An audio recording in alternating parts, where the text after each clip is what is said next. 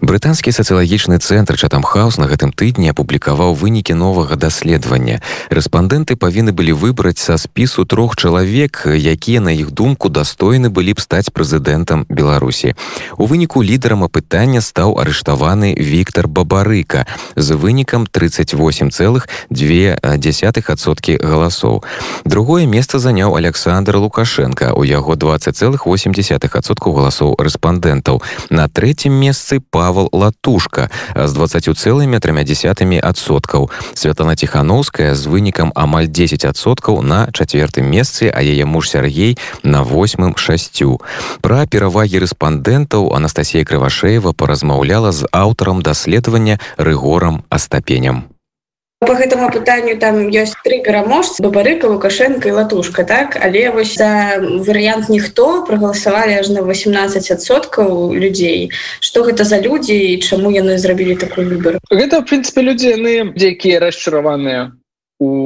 александры лукашенко. Але з другого боку яны не маюць еще даверу да новых генерацыі палітыкаў да, да Віктора бабарыкі да Павла тушки і так далей Светлана ціхановскай Я думаю что гэта акурат звязана з тым что людзі шмат у чым знаходзіцца ў стане такой дэпрэсіі апаты калі ім прасцей просто адмаўляцца ад рэчаіснасці так казаць что я нічога не хочу вырашаць як бы мне нічога не залежыць я нікога не люблю чума на два ваши дамы то по сутасці гэта не тое что гэтымі людзьмі прынцыпе калі паглядзець то яны представляюць гэты спіс з 20 асоб представляет даволі шырокі спектр грамадскіх меркаванняў Беларусі тое что людзі нікого не хочуць іх выбіраць хутчэй сведчыць про то что это у людзей на это есть праблема тым что яны не як прымаць удзел у палітыцы яны не хочуць нейкім чынам афіліяваць себе да становіць становіцца нейкім прыхільнікам хоць кагось пярэднім даследаванні чэтам хаус было сказано что вось 23сотки супраць пратэста і 33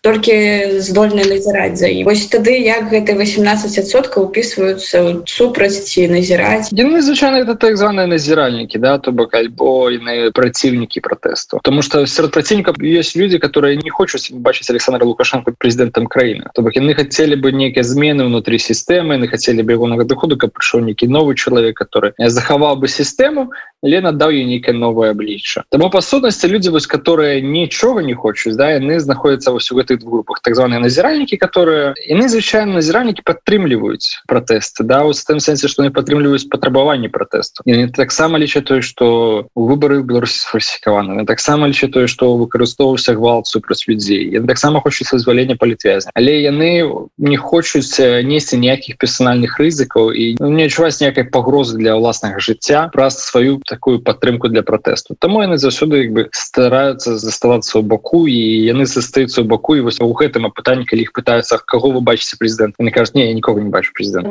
колькасць людзей з гэтай групы сцягам пратэста сцягам того что мы назіраем гвалт на вуліцах Беларусі яна неяк змяняецца павялічваецца памяншаецца Мачыма ці не істотных зменаў не адбываецца хутчэй можна пабачыць там мінімальныя зрухі на некалькі процентаў до того что людзі становятся больш назіральнікай з абодвух бакоў і з боку праціўніка пратэсту і прыхільніку пратэст па сутнасці тыя людзі которые прыхільнікі пратэста не застаюцца прыхільнікамі тыя хто праціўнікі яны застаюцца праціўні рэпрэсіі которые мы назіраем жахлівыя яны не абніжаюць папулярнасць лукашэнкі для іх ну, мы пыталіся у людзей як доўга не збіраюцца пратэставаць і па сутнасці мы побачылі тое што частка людзей збіраецца пратэставаць до самого конца аўтарытарнага кіравання ў беларусі пры тым што частка людзей хто разбіраюцца пратэставаць доўга яны усведомляюць что гэта будзе не хутка да что это не месяцы не два. Але у людзей у прынцыпе настрой. Як мы бачым по наших сацыялагічных даследах то что яны збіраюцца пратэставаць хутчэй за ўсё мы зараз бачым вось змяншэнне выступаў Я думаю что оно можа працягнуцца яшчэ месяц два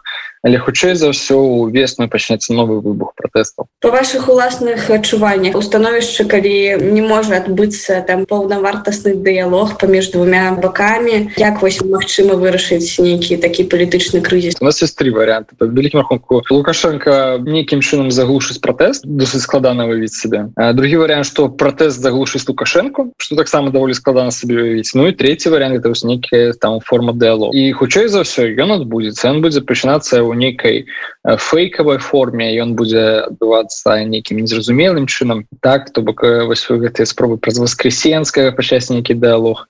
можа быть пачнуцца нейкія іншыя дыалогавыя прыцоўкі Ну то бок па сутнасці это все одно нейкая зманлівая гульня ў дыалог але у прынцыпе наш таксама нешта сведчыць так? Калі людзі не хочуць гуляць ну, не хочуць займацца нейкім дыалогам на ім як бы і не займаюцца то бок у практыцы Я думаю что все ж таки нейкая форма вось гэтага пачатку фейкавага там неустойлівага дыалога на прынцыпе магчымая пытанне вялікае хто будзе з боку не да гэта сказать апозіцыйнай большасці можна так теперь называть прадстаўнікоў дэмакратычнага руху як бы але у прынцыпе да что незразуме хто будзе прадстаўляць як гэта будзе адбывацца але я думаю что гэта непазбежная рэч да которой мы будем ісці что некая форма дыалогу все ж таки пачнется ну безумоўно застаецца у нас еще просьма там некі так званых чорных лебедзяў так? Или нешта зменится вельмі імкліва і мы гэтага не зразумеем. Не ведаю там біялагічная смерць яшчэ штосьці то бок такія рэчы конечно немагчыма подказаць і у прынцыпе яны конечно могуць вельмі істотна паўплываць